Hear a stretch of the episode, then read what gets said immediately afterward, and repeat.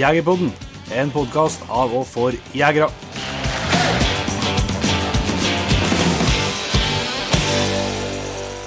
Hjertelig velkommen til en helt ny episode av Jegerpodden, Jon Ingevik. Vi er samlet på vårt eh, studio, kombinerte studiokontor. Yes. Det kjennes bra. Det kjennes bra, og vi skal ha kanskje litt eh, Alle episoder alle, alle er jo spesielle, som vi sier, men, men det er jo en litt spesiell episode med to damer. eh, Ida Sofie Nordbakk og Jannike Romøren Eriksen. Ja.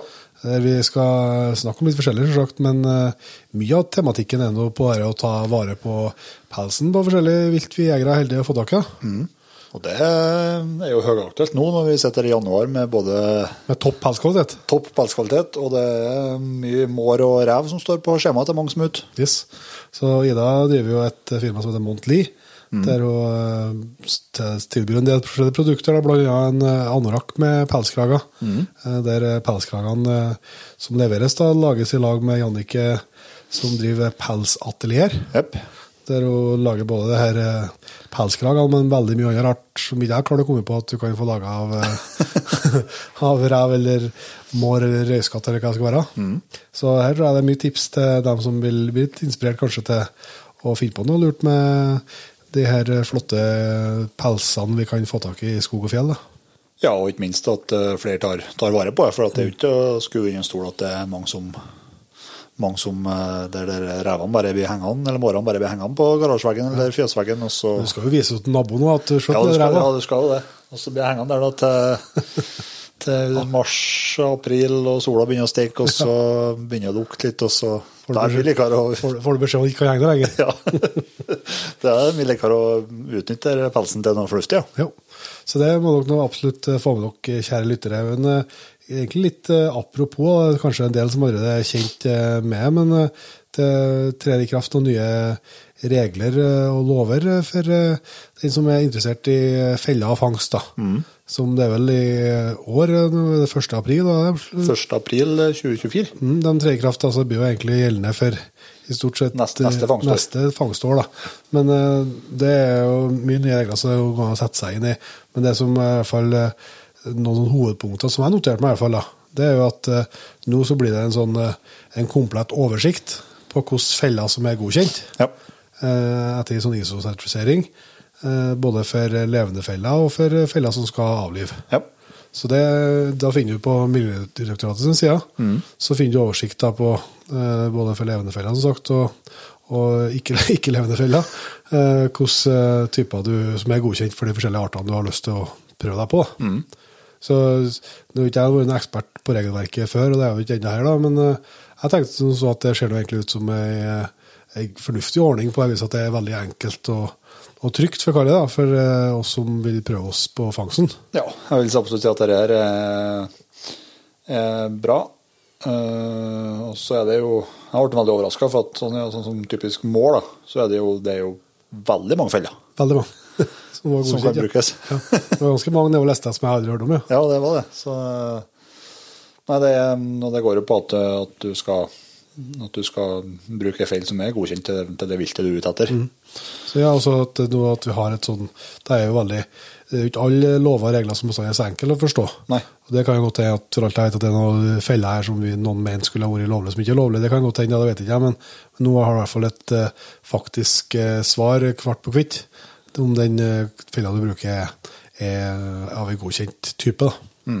Så det syns jeg nå virka bra. Så uh, vet jeg Så jeg skal ikke, må ikke eh, sitte her bare, er dumt å se på podkast.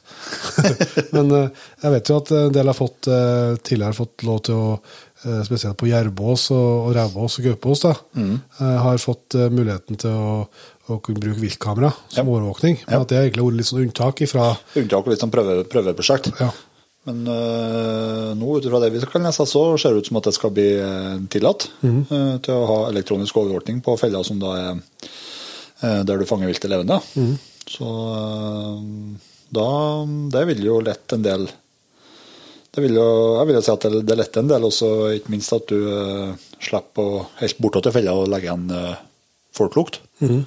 Ja, ja, det, det er en kjempefordel. Og så muliggjør det kanskje fangst i en del områder som, som ikke har vært eh, mulig tidligere fordi at det blir for krevende å, å dit og sjekke eh, det er to ganger for dagen, ikke sant? Jo. som har vært kravet. Ja. Så, så det, er liksom, det er jo ikke alle områder der du har, har mulighet til det en vanlig hverdag. Nei, nei, det. Sånn at eh, det er jo et kjempe, kjempeløft. Mm. Ja, at du da kan gjøre det på både revbås og, og mer til det, det må være et pluss, ja. Så det er jo noe litt eh, nytt, eh, annet nytt som eh, i hvert fall eh, vi som er over snittet interessert i jaktutstyr og våpen, eh, så ser vi jo stadig nyheter. og En av dem som det er veldig mye både snakk om og forventning til nå, det er sauer. Sauer kommer med nyheter nå, vet du. Det er voldsomt, både det er arrangement over hele landet på saueforhandlerne med, med, som skal bli lansering av Sauer 505. Så det er jeg litt spent på hva slags forventninger har du til, til det? Vi har jo, vi har jo ikke vi har jo diskutert mye med søverfolk, vi. Det ikke, ikke, vi har diskutert mye med sauer, men det, det, er vel, det er ikke sikkert at alle diskusjonene eh, kommer søver til gode. Nei, nei, i hvert fall. Men vi har jaggu ikke fått på pukkelen tilbake, ja. Ja, det, det, det- er ikke sånn at ikke vi er verre enn andre. Men uh, det blir jo uansett spennende. Det jeg vil, uten at jeg vet, det, så tipper jeg at den 505 kanskje skal eh, overta for da 404, som har vært toppmodellen til, til Sauer så langt. Ja. Så eh, nei, jeg vil forvente at det kommer ei eh, Jeg føler meg helt trygg på at det er ei ordinær boltriffel. Ja, det vil, ja det, altså, vi vet jo at eh, Du har vel hørt, fått med hvis du hørte litt på partnerepisoden vi har hatt med, med Blazer Group Ja. tidligere, og så er det jo samme, samme eier Ja. på Blazer og Sauer. Så, men hva vet, plutselig finner de på hva de skal Men det virker jo som at de har delt det litt. Rann, ja. Og, men at det da kommer eh, at det er som på 404 nå, at det er oppspenner, vil jeg Mhm. tro. Ja, det, må, du det kan vi ikke tatt bort. Hæ? Det kan vi ikke tatt bort. Nei, det kan jeg aldri se for meg. Det, det har kommet for å bli. Det har kommet for å bli. Nei, Det blir spennende å se hva de, hva de kommer opp med. Også, også i disse tider også er det spennende å se hva, hvordan prislege det blir liggende på. Ja, det var litt spennende. Så, så syns jeg det er litt uh, kult det med at eh, jeg som jeg har sett meg skikkelig dypt inni, men som jeg forstår det, så er det jo, er det jo nesten alle sånn saueforhandlere rundt om i landet som skal ha liksom en sånn felles lansering. da. Ja. Eh, Så det vil jo si at du kan få det med deg rundt om i landet, og ikke bare, ikke bare på Østlandet. Nei. Så det, er jo, det, synes, det setter vi bestandig pris på. Ja, Vi som bor litt grisgrendt hjemme. Ja. Ja. Jeg tror ikke det blir noe, ikke sikkert blir noe avvik i Rørvik, nei. Nei. Det er ikke sikker på, men, men det finnes jo andre plasser enn her òg. Altså, det gleder jeg meg til å se. Jeg håper jo at, at vi, får, eh, vi får noe helt sikkert sett, sett på og tafsa på etter hvert. Mm. Nei, og det er jo en, det er jo en, eh, det er jo en stor viktig nyhet som jeg vet at eh, Blazer Group skal, som de, de skal kjøre hardt på, på herre nå, i, Ja. nå framover. Så det blir tøft. Det er det. Men eh, en annen nyhet på, eh, nå på januaren her, det er at det har kommet en eh, ny jaktpodkast Ja. ut på diverse avspillere. Yes, Optimal jakt-podden lanserte sin første episode den eh, vekka vi er inne i nå. Så vi må bare få lov til å gratulere med det. Ja. Og ønsker dem selvsagt eh, masse lykke til. Og så er jo Velkommen inn i bransjen. Yes, absolutt. Det er jo ikke, det er jo ikke så veldig mange som driver med jaktpodkast i Norge. Nei, det er Sånn at, ikke. eh, Nei, sånn at Vi har jo hilsa på de guttene der eh, flere runder, og er jo veldig trivelige karer. Så vi må ønske dem all mulig lykke til med, med podkastprosjektet. Og så er det noe tips til den som hører på her. Og hvis en føler at en ikke har nok jaktpodkast å høre på, så er det jo en, en til å spille på her, da. Ja. Så det blir spennende. Det er det. Skal vi, eh, skal vi sette over til denne ukens tematikk, eller? Det gjør vi. Da vil jeg ønske Ida og Sofie Nordbakk og Jannike Romøren Eriksen hjertelig velkommen til Jegerpodden. Takk. Takk og takk. Og takk for at vi har fått lov til å komme. Det er En flott vinterdag i Lierne. Du, Jannike er jo ikke hjemmehørende i Lierne. Du er her for at du skulle vært med på, på revejakt i helga. Ja, var jo et håp om det, da. Jeg har jo reist noen timer for å komme opp her. Men eh, ja, eh, jeg har sett og opplevd mye. Men revejakt blei avlyst, dessverre. Ble litt for kaldt i helga. Det bruker ikke å være så kaldt i Lierne, det, Ida? Eh, jo, men ikke så lenge. Altså, nå, har- nå har vi jo hatt så kaldt i tre uker. Ja. Så nå har jeg mista følelse både til tåa og fingrene, egentlig. Ja, det er litt eh, Det er kaldperiode, ja. Ja, det har hengetid. Men egentlig så bruker denne perioden å komme etter jul, Ja. ikke være så tidlig. Nei. Så det var litt synd, ja. Så at uh, Det blir sikkert- at Jannicke skulle fryse i hjel, nei. Det, det blir sikkert regn og mildvær i januar, så det går bra. Ja, det er jo det som er, da. Ja, ja. Det er sannsynligvis ikke sist sjansen for å jakte rev i Lierne. Nei da. Uh, Men uh, vi skal jo snakke om mye forskjellig, egentlig. Men eh, den røde tråden er jo pels, da, og bruk av pels. eh, Det er jo noe som dere begge både har eh, stor kompetanse og mye interesse for, og som det òg må si at det har vært veldig mye spørsmål til, til oss. At det er mye gjester som har ønska seg episode nettopp om det. For det er er jo mye folk som er på Jegerpodden som både jakter rev eller eh, fangster eh, mår, eller ja, kan være heldige å få til en gaup eller en jerv og som vil utnytte den ressursen. Og ønsker seg litt eh, info og tanker omkring det. Du kan få starte, Ida. Du driver et firma som heter for eh, Montli, Ja. der du lager litt uh, forskjellige klær og, og greier, men og har tatt pelsen eh, eh, inn, i, inn i klærne dine. Men uh, først kunne du se litt om, eh, om Montli, hvordan det kom i gang. Ja, du sier det. Det er egentlig ganske så tilfeldig at uh, Montli kom i gang, da. Men jeg har egentlig mest lyst til å lage klær og utstyr som skulle motivere deg til å komme deg ut. Som du fer ut på jakt, eller ut en tur, eller bare ut for å sperske til noe stein. Det er hovedsaken at du kommer deg ut, for Ja. vi alle er oppi godt av det. Eh, og så var jo en som var så snill og spanderte en idé på meg der at jeg skulle ta i bruk ressursen med hit til naturen òg. Så kjerneplagget til Montli det er jo den anorakken med pels fra lierene på. Ja. For største samarbeidspartneren til Montli er jo Jakt i lierene. Eh, Men eh, samtidig så får jo ikke til å bruke pels på alt, da. Nei. Som solbriller med pels eller Du får jo til, men Ja, ja, ikke det. etterspurt. Markedet det har Mark kanskje litt. Jeg har ikke prøvd det. men Jeg har på badet, det lå et hårstrekk med, Ja. mårpels på. Ja. Så at alt er mulig. Eh, Det er bare å komme på det. Men hovedsaken som Montli, det er jo, eh, som jeg sier, jo en tilhørighet til naturen. Og det er jo det som er for pelskragene. Det er jo det som gjør at du egentlig har en tilhørighet til naturen. Og mm, som hen oppi med jakter jo så vanvittig mye rev og blir tatt ganske mye mår. Og i stedet for at det skal bli liggende i frysen rundt i hver heim, så jeg liker at det blir brukt en pynt Ja. på jakka di. Og det har utrolig mye å si for jakka di at du får den kragen på. Og så mener jeg at eh, da sier det litt takk til naturen for den du har fått, for du kan jo ikke ete rev om morgenen. Jeg har sett noe klipp av noen som har prøvd å ete rev, han ble ikke god. Nei, så da har du Og du driver òg et eh, firma som eh, der pels er sentralt. Ja, absolutt. Altså, jeg utdanna meg som buntmakermester for snart 30 år siden. Ja, for buntmakermester, det er jo For meg, så da blir jeg tatt tilbake til hva heter det, Anno på, ja. på NRK, sånn realityshow. Der var det litt snakk om buntmaking. Men ellers er det jo lenge imellom at du leser om buntmakere og ser buntmakere i- rundt omkring. da. Nei, vi er jo en ganske utdøende art, for Ja. å si det sånn. Men vi liker jo å si at vi har eh, verdens eldste yrke. Ja. Eh, altså det å leve av å sy klær eh, av skinn og pels, det er jo noe vi har gjort siden tidenes morgen. Klart det. Så, så absolutt. Men hvordan kom du i gang med å du våkne opp en dag og tenkte jeg skal bli buntmaker? Ja, det hadde vært så enkelt. Nei, altså I utgangspunktet så utdanna jeg meg til kjole- og draktsyerske. Ok. Eh, og så ble jeg headhunta til eh, det lokale pelsbutikken i Tønsberg. Mhm. Og mm, så da var det fire år i bedrift, så jeg, eh, fikk jeg svennebrevet i buntmakerfaget, og videre et par år til som, for å bli mester, da. Ja.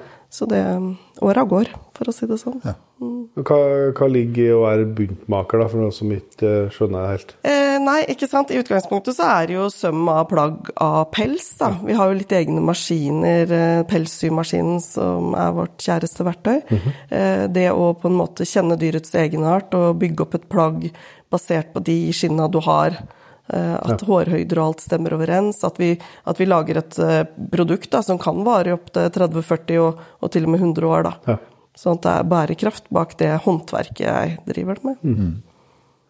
Hvordan er det, så jakta som tok deg inn i, inn i bunt, eh, altså? Altså I utgangspunktet først og fremst, altså det jeg likte den gangen jeg ble headhunta til buntmakerfaget, var redesign av naturmaterialer.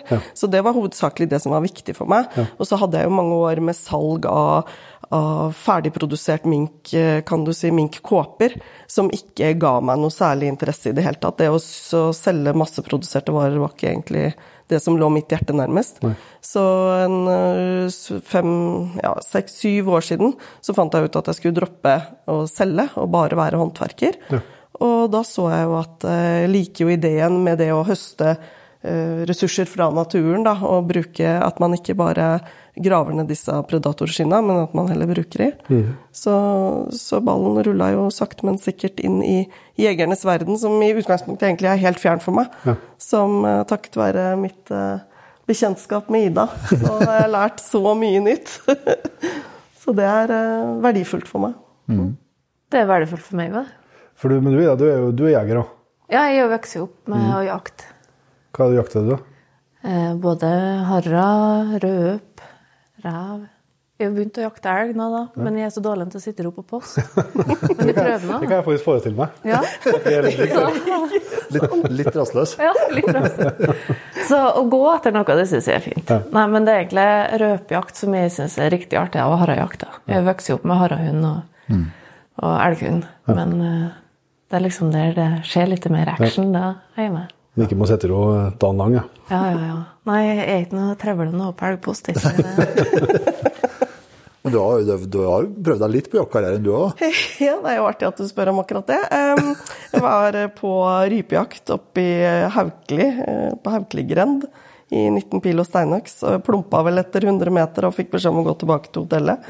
Eh, Neste eh, jakterfaring jeg har, er, eh, er du i jakten i Vestfold. Da fikk jeg også beskjed om at jeg måtte slutte å le og prate og gå tilbake til bilen igjen. Så det, jakt er nok ikke det eh, jeg lønner seg å ha med meg på, holdt jeg på å si. Nei, men jeg kunne tenkt meg å ha med deg på revejakt. Ja, det var jo meninga, Ja. da, men eh, Det Men jeg er jo redd jeg hadde skremt både rev og folk oppi her. Da. Ja, det har jeg jo for så vidt skremt folk oppi her allerede. Jeg har jo klart å fornærme butikkansatte, og det er ikke måte på. Det... Ja, de klødde seg litt i hugget av deg. ja. Uff. Men, eh, men du har jo kommet, kommet godt inn i, i Jeger-Norge, da. Med, altså, med, med, de, altså med, med firmaet ditt og de tjenestene du, du leverer, og ikke minst at du er, på, er til stede på Camp Villmark og på Elverum og, og har, har jegere som en stor del av kundene dine nå. Ja, det har jo mye å si. Det var jo en reportasje da i hovedsakelig i, i 2019 med, i dette jakt- og fiskebladet, som vel fikk ballen til å rulle fortest, altså så fort som man ruller nå, da. Det med alle disse jegeroppdraga. For alle år så har jeg jo sydd mye oppdrettsskinn og mye redesign av gamle kåper og, og sånt noe, men, men villskinna de har jo på en måte alltid ligget hjertet mitt nær i alle disse 30 åra, men jeg har jo ikke hatt tilgang på det, og har jo ikke kunnet eh, tilby det heller. Og har jo ikke hatt noe arena for å bli kjent med noen jegere. Eh, Men plutselig så åpenbarte jo det seg, kan du si. For at det er så klart i, i samme den perioden så har det jo oppdrettsnæringa jo borte, rett og slett. Så nå, er, nå finnes jo ikke det lenger i, i Norge, i hvert fall. da. Nei, nei, det kan du si, og i utgangspunktet så har jeg jo ikke hatt så veldig mye oppdrag for oppdrettere i alle de åra jeg har eksistert heller, fordi oppdretterne var jo ute etter å, å få finest mulig skinn, for så å sende det til auksjonene. Ja. Så de har jo ikke vært så interessert i å sy, få sydd plagg av det heller. Så du har på en måte henta deg derifra igjen? Ja, så jeg har jo måttet bruke mellomledd eller en broker for å kjøpe opp fra Danmark igjen, norske skinn.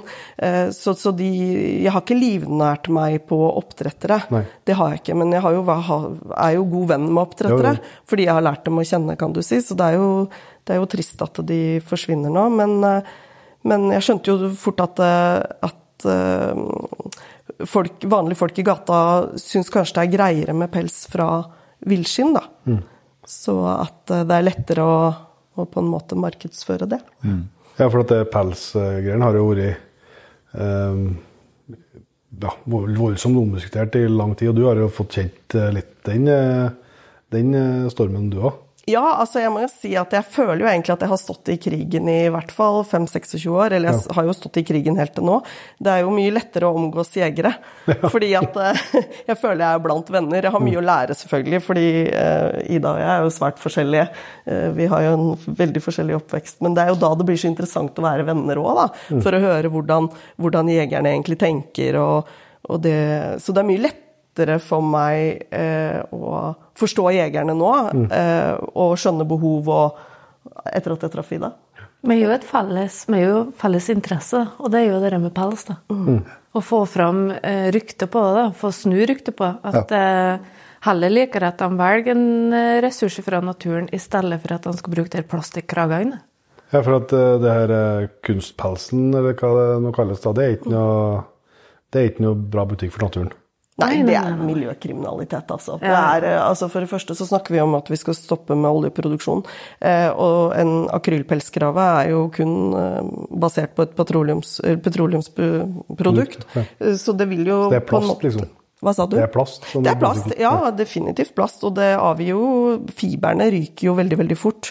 Og det å destruere eller å bruke en akrylpelskrave, det er ikke bra for naturen. Verken folk eller fisk eller, eller hva som helst, egentlig. Så det å, å bruke et naturprodukt som i utgangspunktet er nedbrytbart Mm. eh, Med tid og stunder, da, vel å merke. Vi vil jo ikke at de pelskravene skal brytes ned så veldig Nei, fort. nei. Så, så, men det kan jo holde 30-40-50 år, da. Ja. Disse ekte pels. Pluss at de har jo en helt annen måte å oppføre seg i kulda på. Altså, de er jo beskyttende for ansiktet, ikke minst. Det vil jo ikke en plastikkrave Nei. oppnå.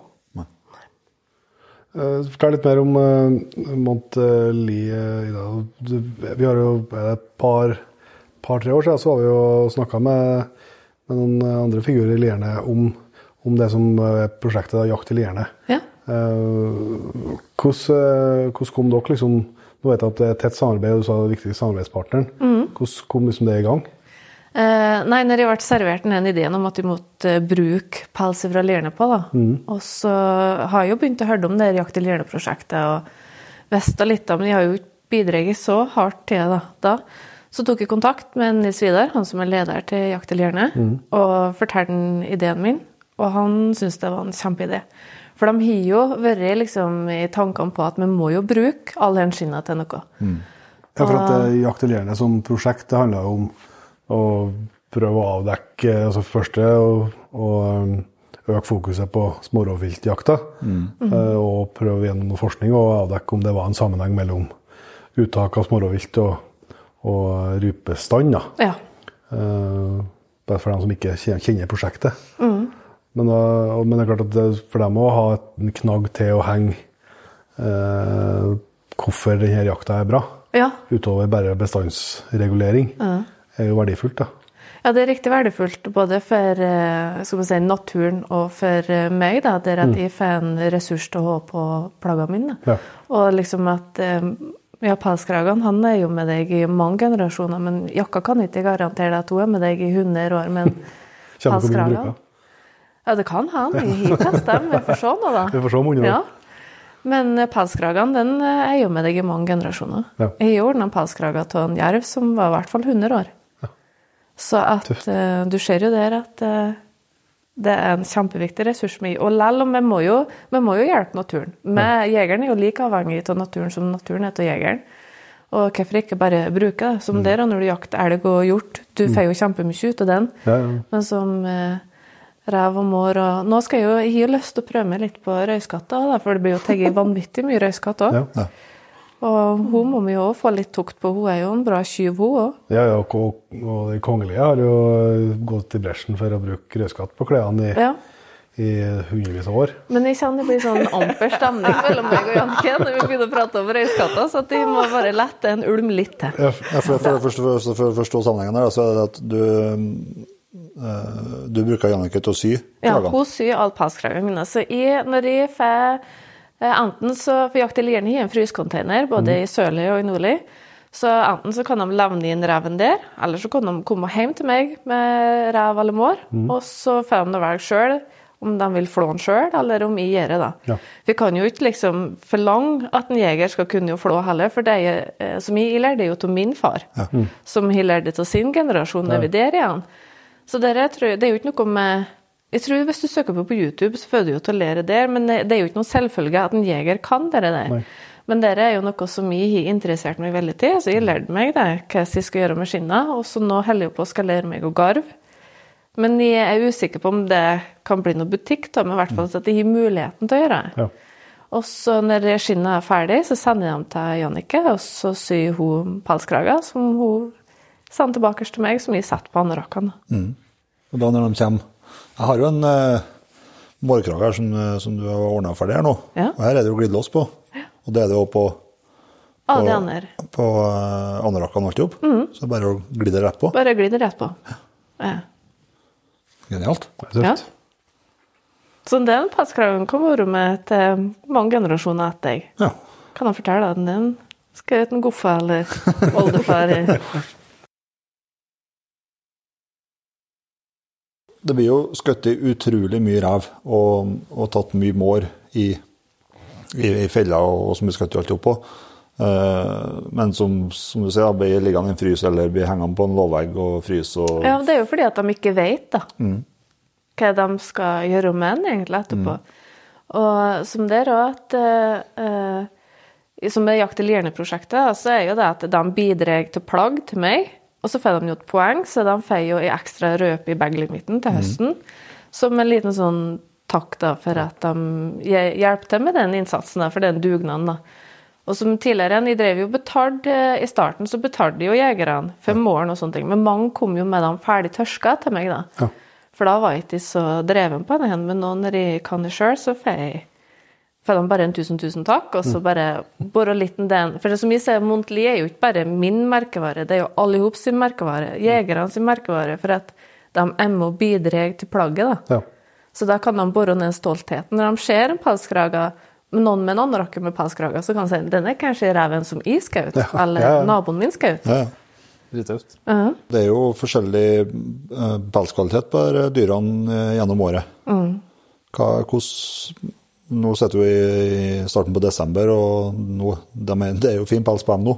Ja, ja. Er, det liksom, er det vinterhalvåret som er, som er prima, eller? Hvis jeg skal bruke dem til pelskragene mine, så syns jeg de er finest nå. Ja. For nå blir de mest fyldige. Og, og som i år, da, så kunne jeg jo begynne å ta reven fra tidlig november, fordi at vi har så kald november.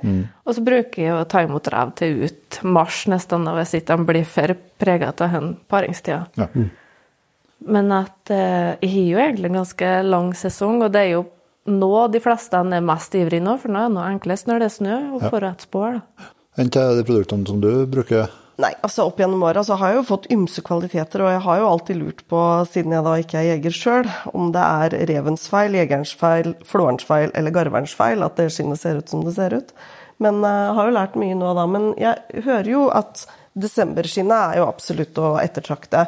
Men det er ikke noe i veien for å bruke skinn tidligere på året heller. eh, Med mindre dekkhårkvaliteten er god nok. Altså, det bør ikke være et skinn fullt av underull. Eh, Og det bør jo da behandles pent i den flåingsprosessen. Så er man ikke en god flåer, så bør man kanskje få noen andre til å flå det skinnet. Hvis du tenker at du skal bruke det. Men eh, ja, man kan jo både eh, være litt flink med å sile ut de skinna som ikke er noe å ta vare på.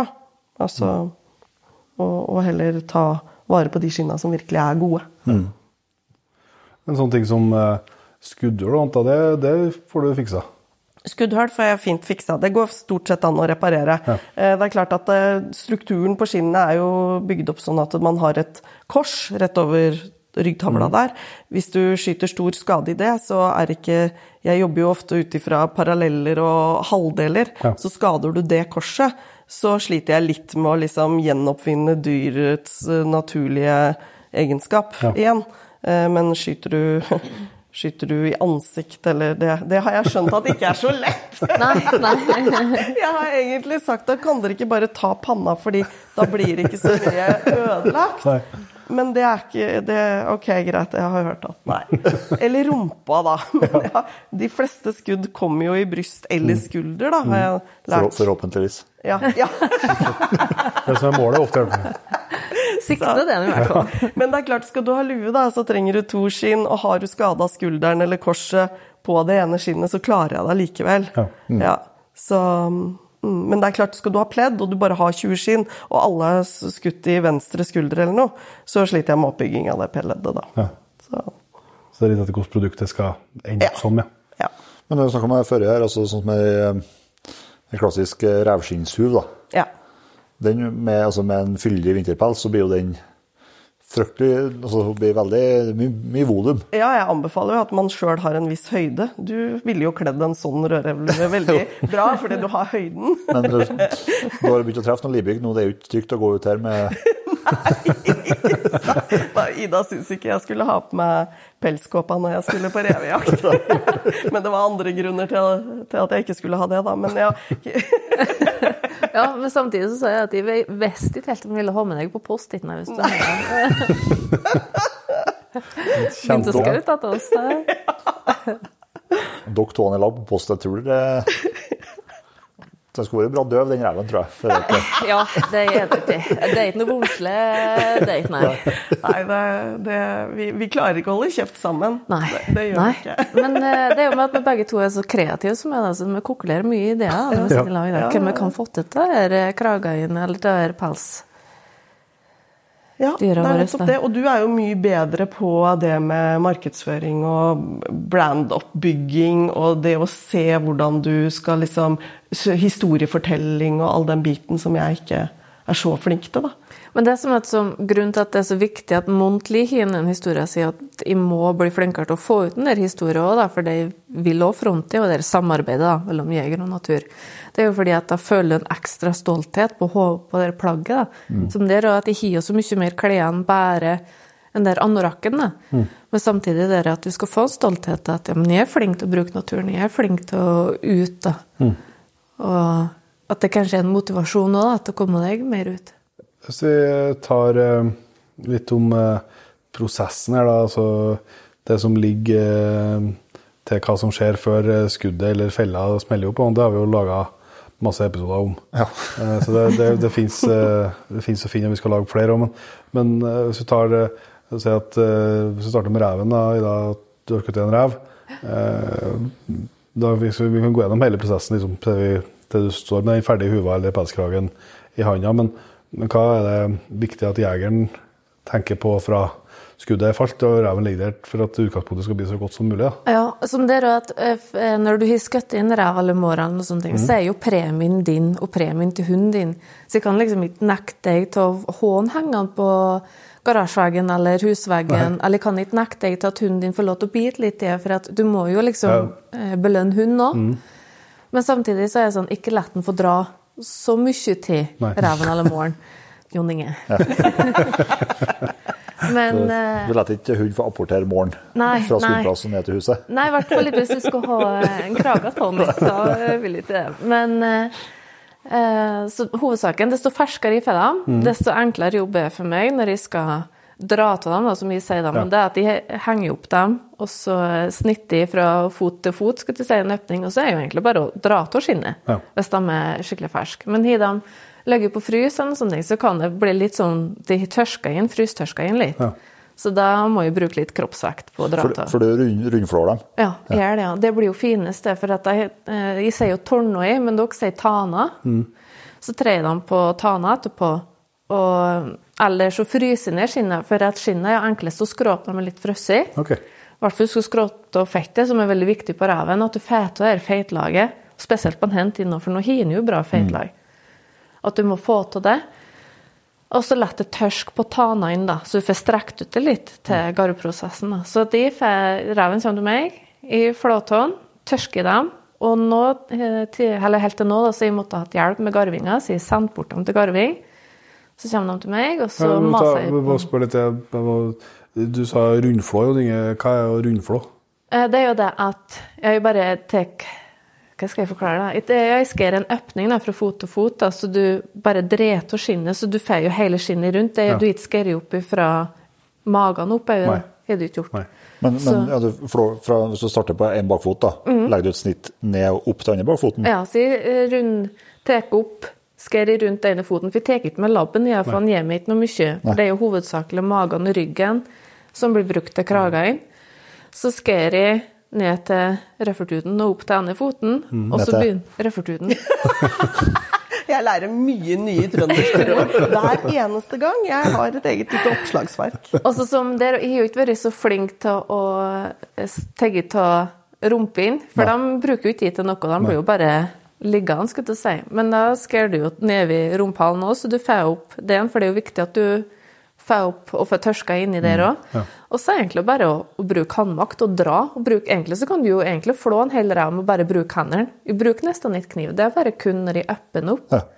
Og så drar jeg den jo helt ned til jeg kommer til framfotene og rundt hodet og Mm. Så må du jo til å begynne å hjelpe til litt da, rundt arm, eller framfotene inn i vikeren din og hugger. Ja, for du gjør det samme der, at du skærer av framfotene, og så Ja, jeg gjør det. Ja. Men jeg snitt. skjer, så de drar ganske langt ut på fotene før at de av den. For det er egentlig når du begynner å komme Ut på tåen, ut mot på. der, ja. At du må kanskje ha litt, eh, være litt nøyere. Men det er jo ikke noe viktig for meg å ha med til plagga, Nei. så det sparer jeg på. Men jeg drar dem helt ut til nestetypen. da. Men det er jo på, på grunn av for tornoen sin del at det er enklere å tørske på ja, og henge opp etterpå igjen, Ja. når det er med. Mm. Og så syns jeg det da kapper du bare vekk eh, ørene og Nei, tar med ørene nå, ja, ja. ja, ja, men du kapper bare ned på hodet, liksom.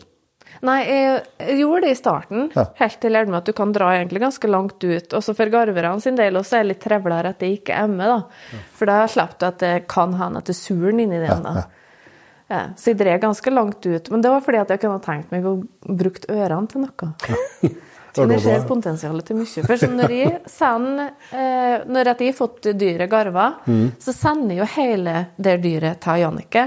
Så hun har liksom et stort alternativ å bruke på hele dyret. For da har jeg jo ansiktet og, og halen og alt i med. Men når jeg, hun har sydd ferdig kragene til meg, så sender jeg tilbake både med revrumpa og hugget til reven eller moren. da. Så da har jo jeg fullt av materialet av det nå. da. Ja. Nå i siste nå har vi begynt å lage mye dusker og sånn. Eh, For dusker på huet er jo kjempefin Ja, ja. til rev og mår. Så da har vi jo begynt på å gjort det. Av sånne biter som ble igjen av kragene. Ja. Og så har vi, som når vi var i Elverum, så delte vi ut revrumpa til unger. Det ble jo kjempepopulært. Ja. Og jeg har fått unger som, på besøk som har ville hatt med seg et eh, revhuggu eller mårhuggu. For de syns det er artig, da. Men så er de noe fin der ørene til reven så plutselig kanskje det kommer i huet med revører på høytid? Hva skjer nå? Fluefiskerne bruker jo noe pels til å binde eh, fluer med. Mm. De har tatt mye eller mårrumpa til meg, da, som de knyter fluer av. Men den, eh, så dere gjorde ikke den garvinga sjøl, men hvis eh, noen har lyst til å prøve seg, altså, hva, er, hva består en sånn garveprosess Du, det finnes jo som bad du må legge dem til, da. Så det er jo alunbad, eller noen bruker jo skyr og, og så er det strekkinga og kamminga av skinnet etterpå, etter de har ligget de bada, da.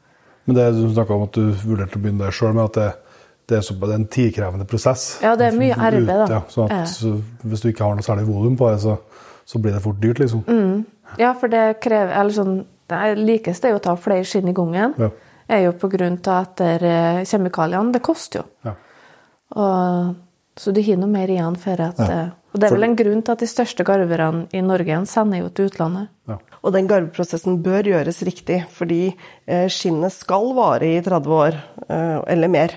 Og gjør du ikke den prosessen riktig, så går skinnet mye, mer i, eh, mye kjappere i oppløsning. Ja.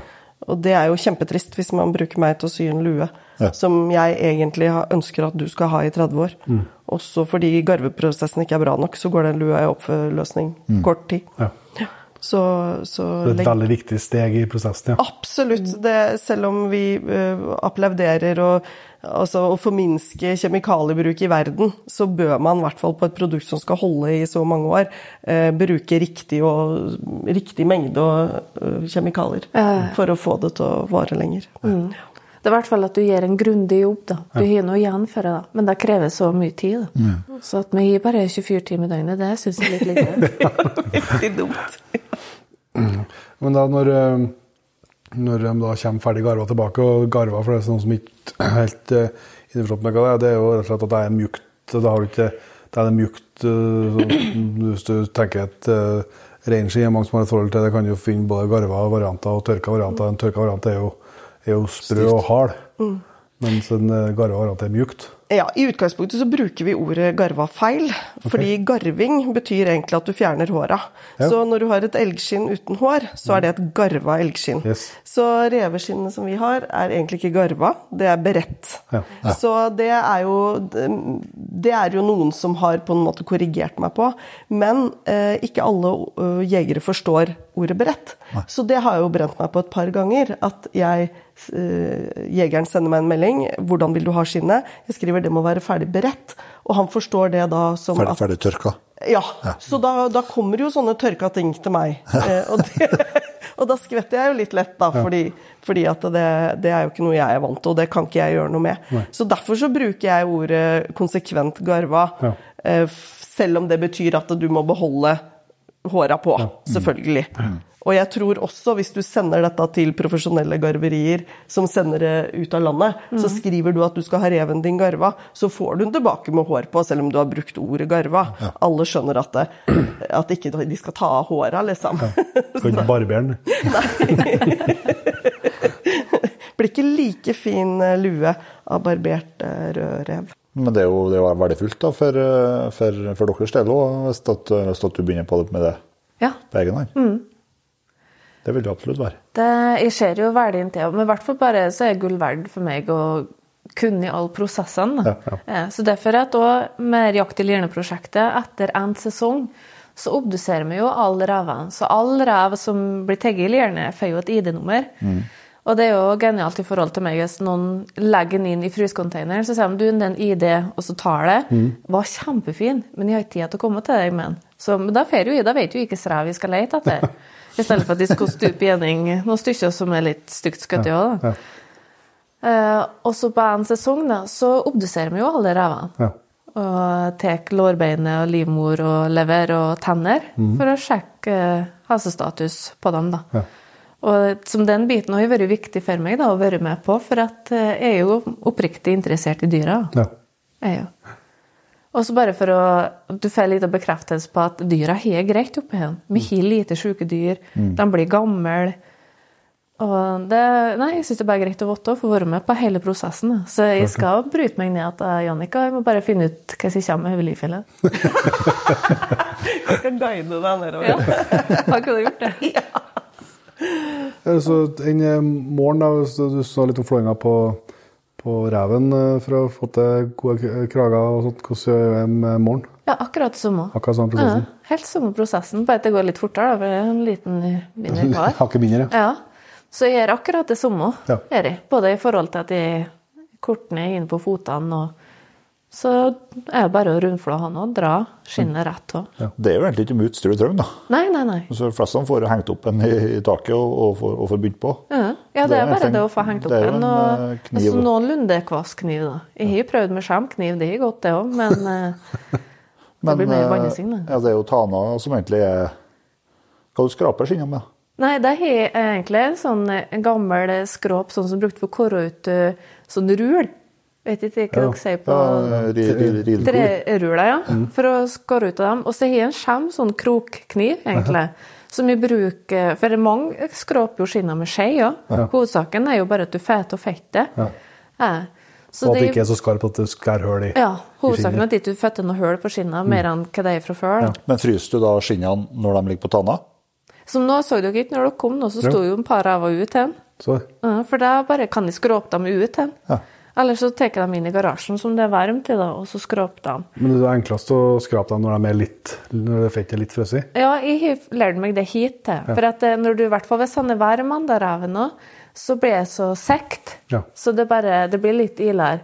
Ja. Så bruker å anbefale å fryse ned skinnet, og så kan du ta opp eh, når det er sånn halvfrosset, og så begynne å skrape. Ja. Det syns jeg har vært mest effektiv hit til, da. Ja. Ja. Det blir jo litt som når vi skaller opp eh, halvfrosset kjøtt. det. Ja, ja, ja. ja, ja, ja. Det blir samme. Det blir det. Men hvorfor kan jeg ikke få lage meg en pelskrage av et elgskinn eller en hjortpels, da? Nei, altså, elgen er jo får, du får sikkert lov. Ja, for jeg får lov, men hvorfor, er hvorfor er det ikke så god idé? Disse hjortdyra har ofte en, en, et hår som er- det kalles rørhår. De er hole inni, så de brekker fortere. Ja. Så selv om samene bruker det, så er det ikke sikkert at eh, du eller kona di syns det er like ålreit å ha det rundt ansiktet. Nei, for det røyter, det, det vil røyte og Ja. knekke i stor grad. Så, så hvis du først skal ha hettekant av noe, spesielt til kona eller en lue, eller sånn, da, så anbefaler jeg noe som er mykt og, og fint. Da. Ja, og så må du slippe å gå og trekke håret ut av kjeften. Ja. ja. Jeg skjønner. Men når eh, du får eh, da de her garva eh, skinnene, Jannicke, hva det, altså, det, er jo, det er jo lett å tenke Du har snakka mye pelskrage, men det går an å lage mye annet rart òg. Ja, absolutt fantasien bare som stopper der. Altså.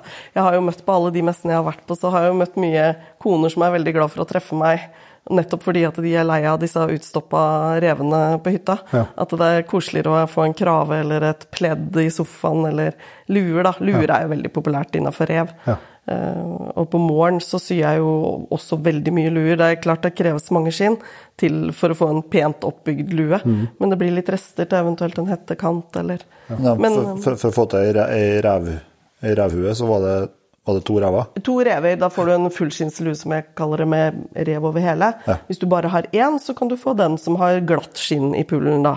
Og den blir jo varm og god, den òg. Mm. Absolutt. Så Men du, har du noe, har du noe, uh, har, har du noe inni, eller er det kun, kun pelsen med Hvis du tar den fullskinns revelua med to skinn, så har jeg ikke noe inni, for den kommer garantert til å bli så varm at det er jo, den blir for varm hvis jeg hadde fôra den med noe. Den som har glatt skinn i pullen, den har da vatt inni seg. Ja. Eh, og den blir også mer enn nok varm. Altså Vi avgir jo en del varme fra hodet, så det er ikke det at man trenger Det viktigste og varmeste og beste er jo at man har pelsen inn mot kinna. At man beskytter kinna med disse øreklaffene. Så jeg syr jo absolutt mest luer med øreklaffer. Den Davy Crocketen med hale, den, eh, den er jo litt mer for spesielt interesserte. Og spesielt også de som ber om at jeg monterer et revehode på. Så det, men eh, jo da. du, du får forespørsel om det òg, ja. Ja, ja, ja. det hender at jeg har gjort det. Jeg var, var ei lita jente, hun ville gjerne bare ha ørene til reven, da. Så da fikk jeg utnytta ørene. Så, så, men ellers så den helt vanlige klaffelua, den, den syr jeg jo absolutt mest av. Men det er klart, disse konene, de, de vil jo gjerne ha noen kraver, og jeg syr jo vester og jakker og Ja. pledd og puter og ja. Kjipp-kjappere flipflops, altså. Oh, Ja, ja.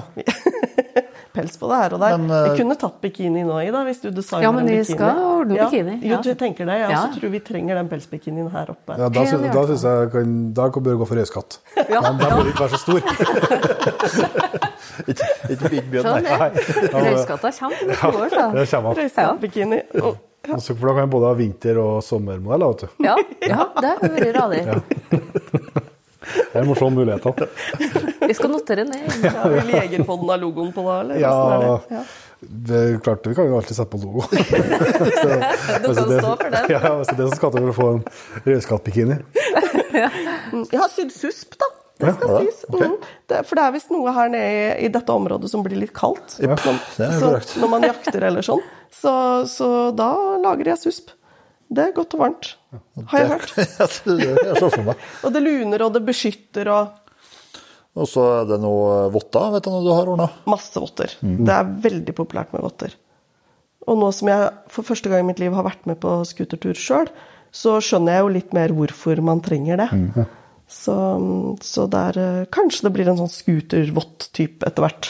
Det er noe sånn eh, Er det liksom mm, Hva er det mote som avgjør om eh, det blir mye uh, hue av, av rev og, og mye votter av bever, eller er det, er det at de, noen dyr eller skinn egner seg bedre til ulike produkt, eller har ikke det så stor betydning for din del?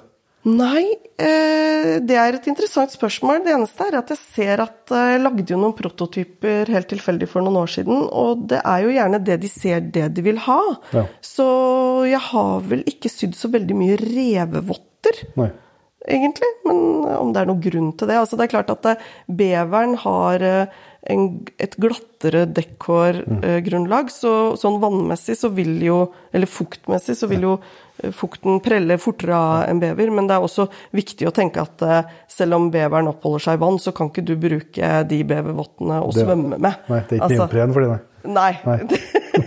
så, men eh, det er klart at eh, beveren eh, egner seg jo kjempefint til lue og pledd og egentlig alt, kan du si. Ja, jeg har jo sydd mårvotter, så det er egentlig ikke noe grunn til det. Jeg tror rett og slett det har litt med hva jeg legger ut av bilder. Folk vil gjerne ha det de ser. Hva, hvis dere pledd, jeg skjønner at det, er jo hvor langt det er et tau og hvor stort det er et pledd, men, men hva, hvor mange ræver må du regne med på at eh, det, er det du, du, snakker om pledd? Ja, det kommer helt an på, som du sier, akkurat hvor langt er det tauet. Men eh, jeg har jo sydd pledd av seks rever. Det blir jo da ikke så stort. Det blir jo ikke til at du dekker deg sjøl, og så kommer det selvfølgelig an på størrelse på personen det skal dekke. Inge. Forskjellen på meg og Jon Inge. Jeg trenger ikke så mange rev, eh, for å si det sånn. Eh, Men jeg vil vel si Selvfølgelig partall er viktig, men har du oddetall, så setter jeg jo pris på et ekstra skinn for å reparere antall hull med, ja. hvis, hvis det er hull i det. Og det er jo som regel. Eh, nei, altså jeg vil vel kanskje anbefale 14 rev. Ja. Oppover for å få et røslig pledd. Men eh, samtidig så ønsker du ikke et pledd å dekke senga di med, for det vil du ikke kunne orke å bruke i noe særlig stor grad. Nei. For det blir tungt. Så hvis du skal ha et sofapledd, så, så trenger du ikke så mange skinn igjen. da. Men hva, så, så, at du har en drøm om å ha et eh, revepledd. da. Hva vil du anbefale? Noen skjøter jo eh, både 10 og 15 og, og 20 og 30 og 40 rever på sesongen. Så for noen kan vi få til det på én sesong, men for andre så vil jo det være et mål over, over år. da. Er det da å, å flå dem, skrape dem og fryse dem, eller å få garva i én smell til slutt? Eller er det å få begynne den garveprosessen og så må du ta vare på ferdiggarva skinn? Hvis du, skal, hvis du må bruke fem år på å få til et sånt pledd, liksom. Mm, det, og det kan det fort hende at man bruker, da. Mm. Men eh, altså, jeg må jobbe i mange år til, så det er ikke noe problem. Jeg blir ikke borte sånn igjen her. Eh, men jeg tror kanskje altså Det kommer jo litt an på hvordan du oppbevarer det tørka skinnet, da. Ja. Hva tenker du, Ida? Hvor lenge kan et tørka skinn stå? Et tørka skinn, hvis det er skråpa for fett og sånne ting, så kan det stå stygglenge. Kan det gjøre. Så hiter hva det betyr Kjempelenge. Eh, Men, så du på tørre. travelt, skal du si. Og så er det at, For det er jo egentlig ikke noen fordel at det ligger på frysen lenge, heller, for da blir det jo frystørska, skulle du si. Så egentlig likeste som gjør, er at du får flådd med en gang. Og har tørska liggende tørt òg. Ja. Da kan det ligge kjempelenge. Kan det ligge mange år. Så det, så det går an å liksom bygge seg opp etter hvert. Ja. Du må, Ja, du må så du samler ihop og så for å sender inn i en smell til garving, da, Ja. i stedet for å skikke inn en og en. da. ja. For den garveprosessen kan ta litt lang tid. Ja. Så, så ja. Støtter. Det er helt til Ida begynner på. du. Ja, ja, ja. ja. Da skal Du har jo så mange timer i døgnet. Det er, her oppe i Lierne har døgnet 30 timer. Jeg har jo ikke tenkt meg det. Men jeg tenker altså, ei sofaput med mår, med mår eller rev, det må nå være av Og så et sånt put, hva heter det, putevar. Ja. Puttetrekk, ja. ja. Ja da, syr masse av det.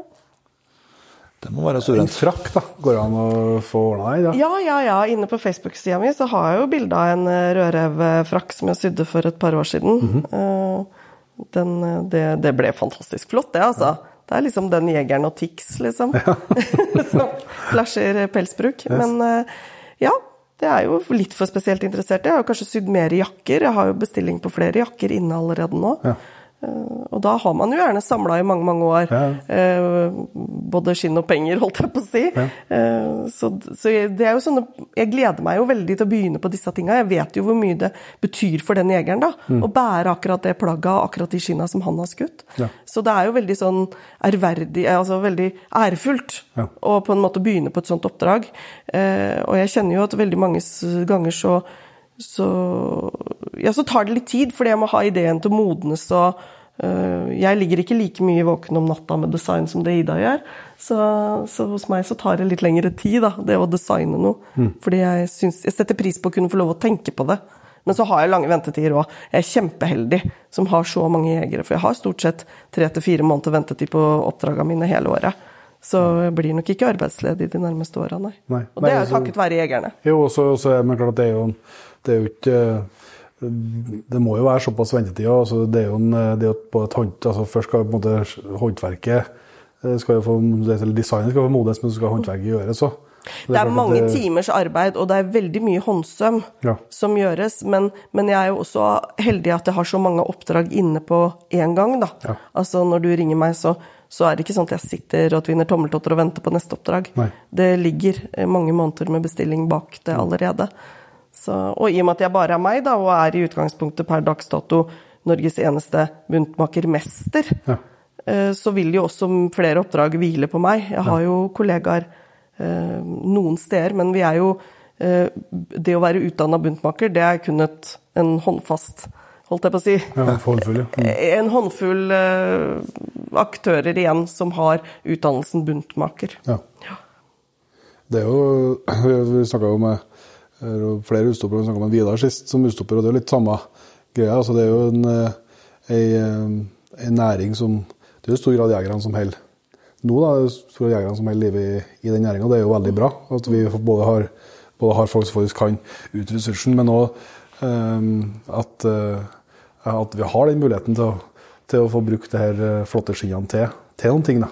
Og ikke minst at vi, at vi, holder prosessen i Norge.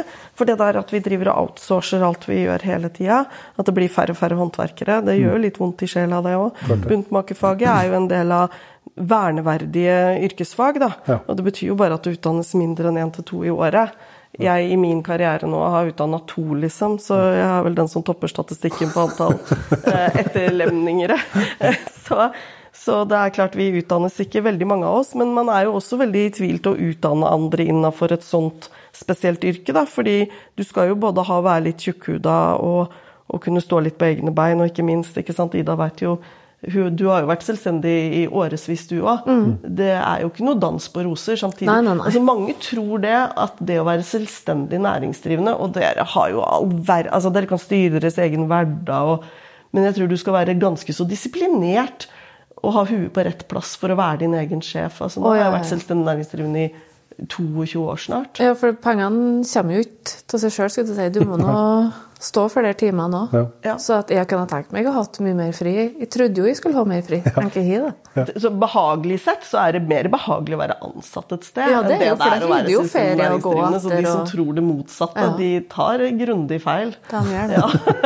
I mange ganger jeg kan- jeg har lekt litt med tanken hvor godt det er å være, å være ansatt. Liksom. Mm. Du, får, du er ferdig på arbeid når du får hjem fra arbeid, du får ferie. Du vet hva du får i månedene.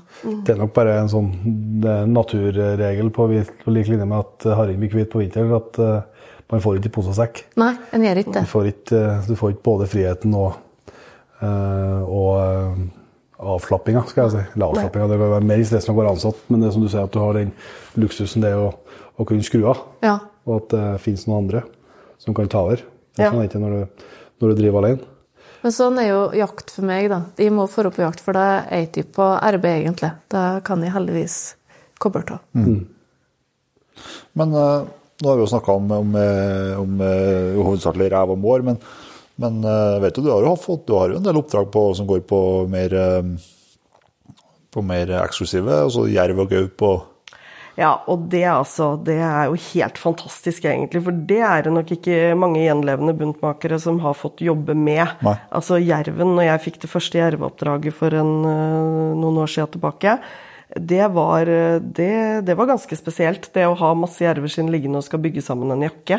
Eh, Og det å på en måte se dyrets eh, holdt jeg på å si, individualitet eh, i hvert eh, ulikt skinn. Altså, det, er jo så, det er så utrolig unikt i forhold til alle andre skinn. Ja, for en mår han er jo ganske Mår og rødrev de er jo noen ulike, men det er utru, jerven kan jo være utrolig forskjellig. Altså lys, mørk, Helt klart. far, fargetegningene. Ja, ja, ja, og denne her sirkelen som de har på ryggen, den kan jo være nesten hvit til gul til grå. Ja. Så det, det er kjempespesielt, altså. Men det er jo sånn eh, det, det er jo en utfordring. Og, og det er gøy med utfordringer. Så det har jo blitt noen jerveluer. Eh, Ja, det er jo opptil flere kompiser til oss som har både Ja. huva og votter og Ja, ikke sant? Så, så det er jo veldig hyggelig å høre at, eh, at det blir flere og flere. Det merker jeg jo òg, forresten. Så, Ellers så gaupa er jo også helt unik. Den blir nesten litt sånn untouchable. Det å få et, et gaupeskinn. Ja, for det, er jo, det er jo ingen som er lik. Nei, nei, og det er jo kjempeinteressant å se, da. Fordi at det, sånn som jeg har lært da for 30 år siden da jeg tok mitt fagbrev, så, så, så, så jobba vi jo ikke med gaupe. Altså, det, det, var ikke mulig å øve på noe sånt noe. Men eh, når man leser i boka disse prikkene, og så tenker man at det er sånn det ser ut, og så kommer gaupa, og så ser den jo ikke sånn ut i det hele tatt. Nei. Så Nei, for der har du, også, du har jo, du har jo individ som, er, som nærmest ikke har prikker, som er sånn Ja. bare, bare, bare rød, rødbrun, liksom. Og som i pelsen så har du dem som er nesten hvit og Ja, masse, dalmaniner, masse en svarte prikker. Og i, på en måte fra den tiden jeg solgte masseproduserte kåper, hvis man eh, har nå da aldri solgt gaupekåper, for det er jo så utrolig eh, dyrt. Eh, men eh, da, de dyreste kåpene er jo da bare tatt fra buken. Ja. Så det er jo på en måte oppdratt med, at bukskinnet er liksom det mest eksklusive. Så det da å bygge opp en lue, hva skal jeg egentlig verdsette? Skal jeg verdsette ryggen ryggen eller buken? Eh, så ja, nei, det har vært eh, spennende. Veldig spennende. Eh, Få lov å jobbe med de skinna. Det har med en buntmaker, da, det er, eh, som vi har lest om i Pelsjegerliv, og, og det altså her skinnauksjonene og, og sånn eksisterer det fortsatt. Altså at det går an å både levere inn skinnene og få dem solgt på en auksjon Ja, du har jo Sorma Fur som tar seg av den biten. i Norge. Ja. Ja. Eh, Så det er, dit går an å, å tør, sende tørka skinn, da. Ja. Men det er ikke noe big business lenger? Det er ikke sånn at du kan leve av å selge Nei, det er ikke akkurat sånn som det er nå, nei. Jeg tror det er ganske lave priser. Jeg har jo hørt at man har fått mye bedre priser før, så det gjenstår jo å se, da. Jo, det er klart det er et marked som går opp og ned. ja. Men Det er det. Veldig fra år til år. Og, mm. Og så er det litt hva du kan av flåteknikker sjøl, da. Ja. At du tørker jo, jo penere skinn, altså. Men der må du jo vel i utgangspunktet ha med potene, hvis ikke jeg husker feil. Hele dyret, da, ja. ja. Så der skal, du, der skal du være en habil flåer for å få betalt for det skinnet, altså. Det er, lett, det er lettere å kappe av de labbene og få lue hos meg. Men det du bruker pelsen til så langt, sagt, det er krager og, og dusker på, på huvene. Det er det jo. Men har du, eh, har du sånn at eh, noen Går det gjennom deg hvis jeg vil ha min eh, revpels på anorakken fra deg, så kan jeg komme med, komme reven til deg, og så fikser du hele den løypa? Jeg- Så kan du ordne ferdig, Ja. ja. Så kan du få din rev på, På som krager på anorakken din. Tøft. Og dusker til huet. Jon Inge har jo fått til han. Ja, det Han måtte jo si Jeg skjønte jo at det var en grunn til at vi skulle hit. At han skulle få skryte litt av at han hadde fått en bar. Jeg skjønte jo det var et eller annet.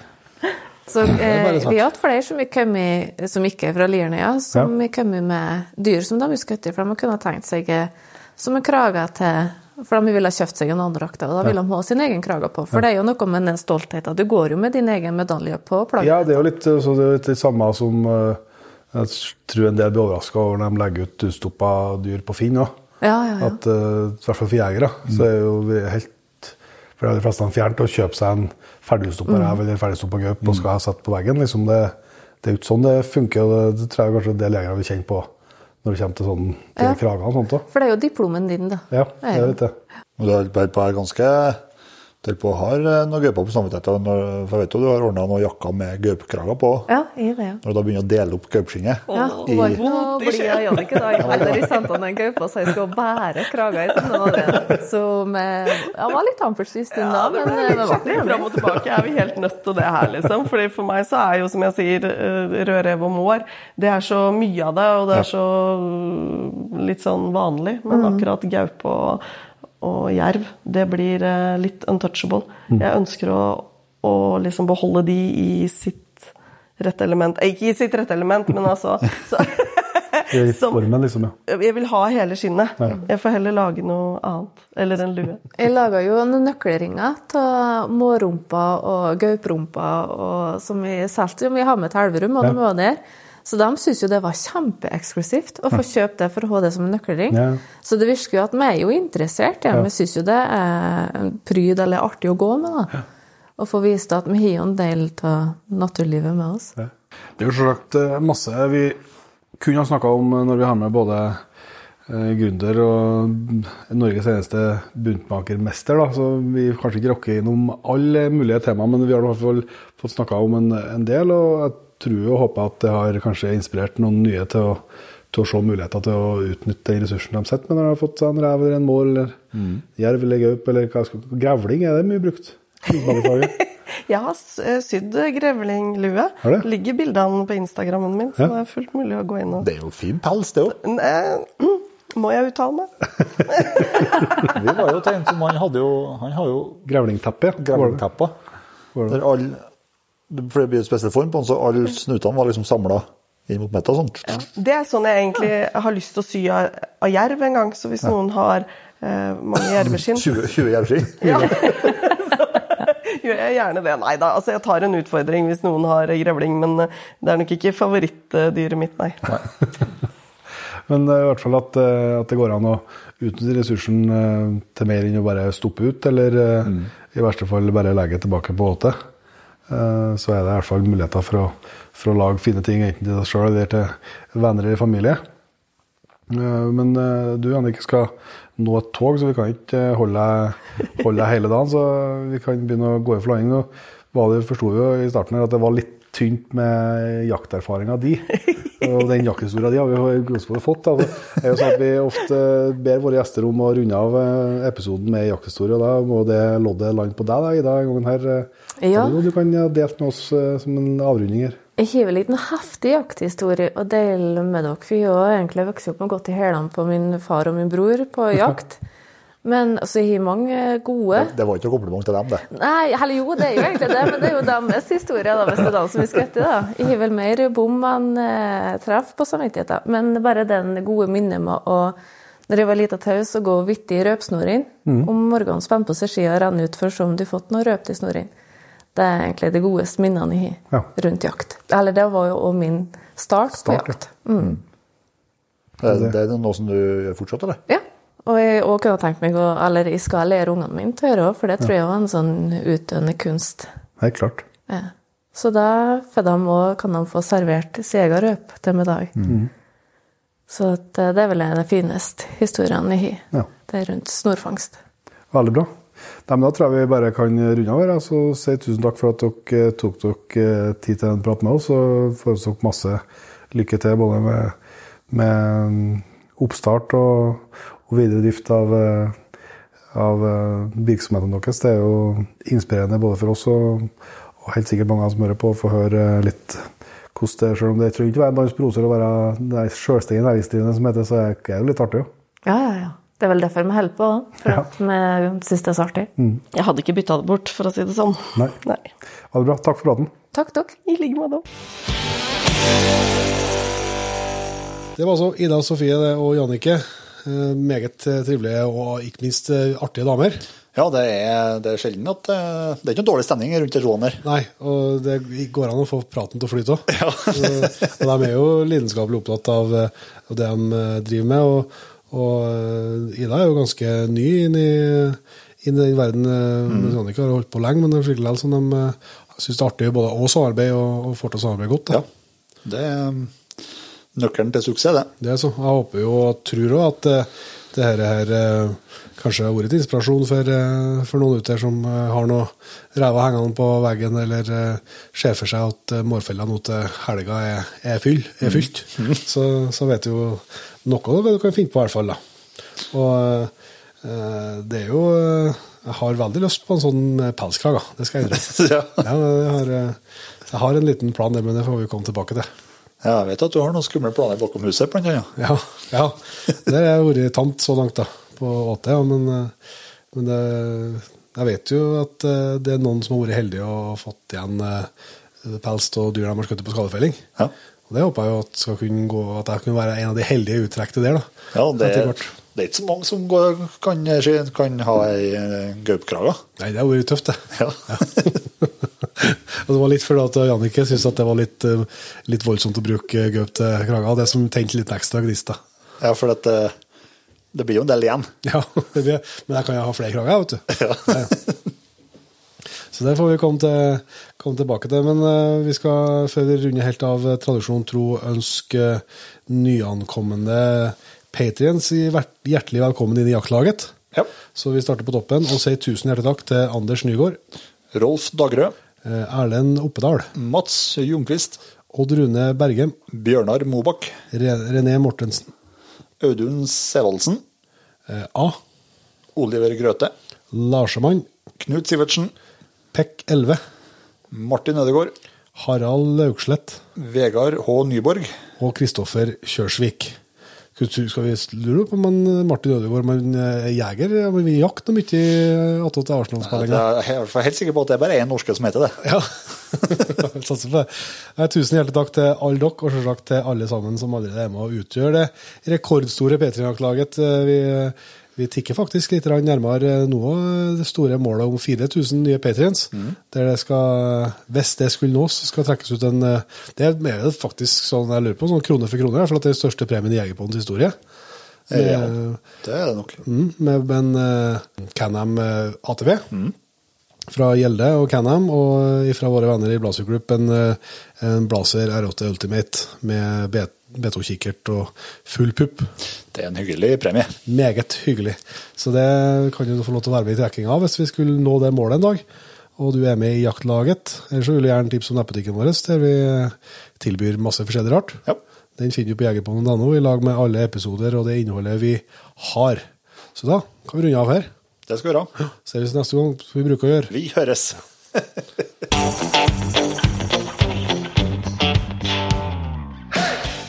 Tusen hjertelig takk for at du valgte å bruke litt av tida di på Jegerpodden. Sjekk ut jegerpodden.no eller eh, din favoritt-podkastspiller for enda mer innhold og flere episoder. Følg også Jegerpodden på Facebook og Instagram, og ikke minst, husk å fortelle alle gode venner, familie og tilfeldige forbipasserende om Jegerpodden, sånn at vi får spredd det glade budskap videre. Vi høres.